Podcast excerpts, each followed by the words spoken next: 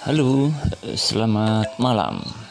Oke, episode kali ini uh, aku akan bahas mengenai lima tahapan penting ya uh, ketika kita mau melakukan digital marketing.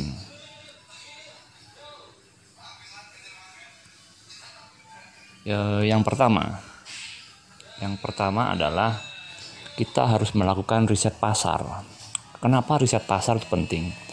Karena begini, uh, anda punya produk, maka Anda perlu mengetahui apa saja eh, variabel-variabel yang menentukan sebelum Anda meluncing produk atau sebelum Anda menjual produk.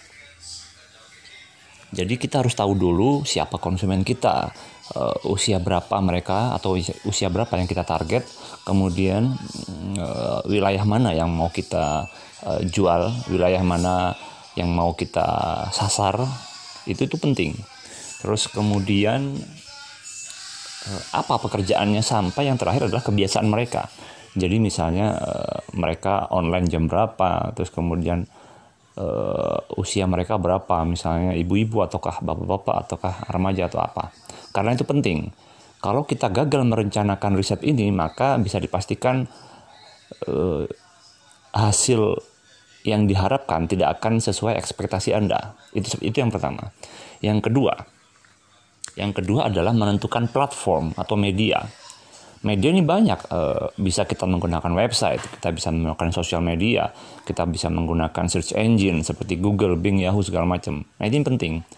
Nah hasil riset tadi yang pertama itu akan dibawa oleh e, dianalisa platformnya apa yang cocok untuk kita ber, e, berpenetrasi atau berkampanye di dunia digital media karena kita tidak mungkin salah untuk tidak boleh salah maksudnya. Kita tidak boleh salah menentukan platform apa yang penting agar biaya iklan kita tidak boncos.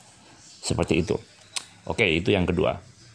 Yang ketiga adalah ini juga salah satu yang harus kita perhatikan yaitu konten. Kita harus membuat konten yang menarik. Konten itu ada tiga.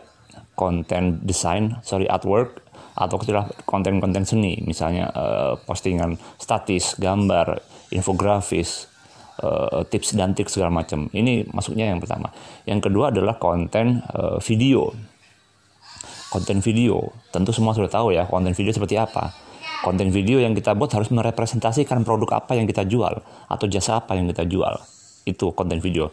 Nah, yang ketiga yang mulai hits, mulai hits ya, hype sorry, yang mulai hype adalah podcast. Nah, kita bisa mulai menggunakan channel-channel podcast untuk merepresentasikan produk kita. Nah, Artinya gunakanlah media apa gunakanlah kontennya konten tadi, buatlah konten menarik tadi dan kemudian didistribusikan ke seluruh platform yang kita akan target seperti itu. Ini itu poin yang ketiga.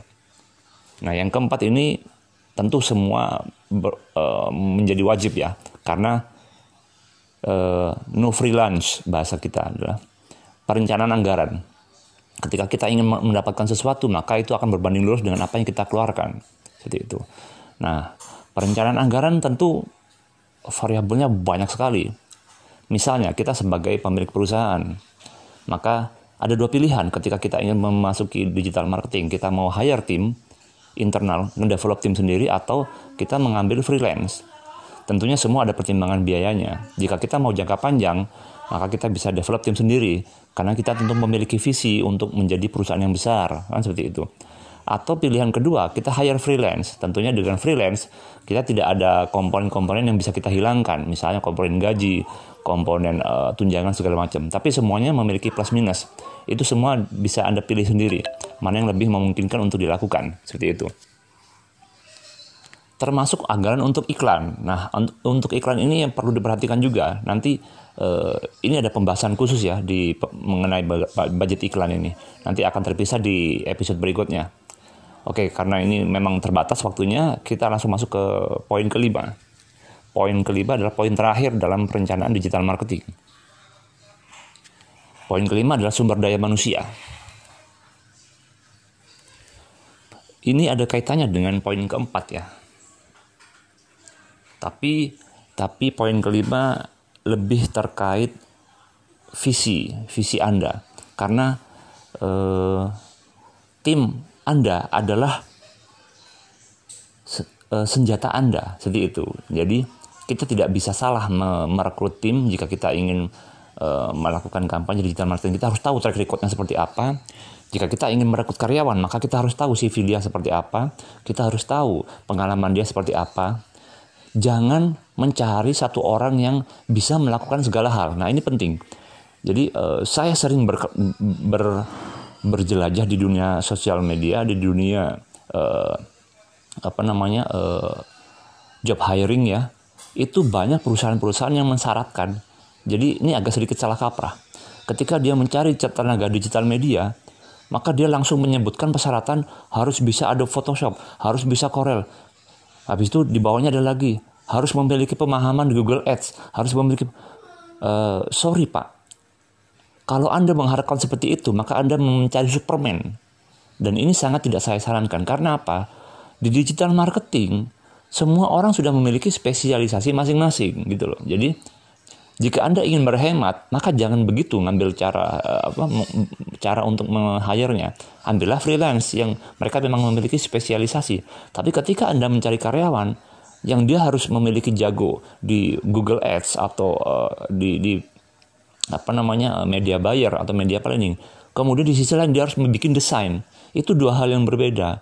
Nah, dari sini saja sudah ketahuan bahwa Anda tidak paham mengenai apa itu digital marketing. Seperti itu. Jadi tolong sekali lagi eh, podcast ini saya sampaikan kepada mereka-mereka yang berkecimpung di dunia ya istilahnya mereka yang sedang mencari atau mulai bertransformasi ke digital marketing bahwa ini dua hal yang terpisah. Tolong jangan dijadikan satu karena saya yakin jika ada yang Anda dapatkan dari situ, ada orang yang bisa, maka saya bisa pastikan bahwa ilmunya akan separuh-separuh atau setengah. Anda tentu tidak mau dong seperti itu. Jadi tolong diperhatikan, memang kosnya besar, tetapi jika Anda memiliki satu leader yang pas di bidang di bidang digital marketing, maka cukup leader itulah yang akan mensupervisi mereka gitu loh. Jadi nanti akan saya bahas di episode berikutnya spesifik mengenai uh, eh, SDM khusus di bidang digital marketing ini. Jadi sementara untuk uh, episode ini segitu dulu. Mudah-mudahan uh, podcast ini bermanfaat bagi siapa saja yang mendengarkan. Uh, terima kasih. Uh, kita jumpa lagi di episode berikutnya.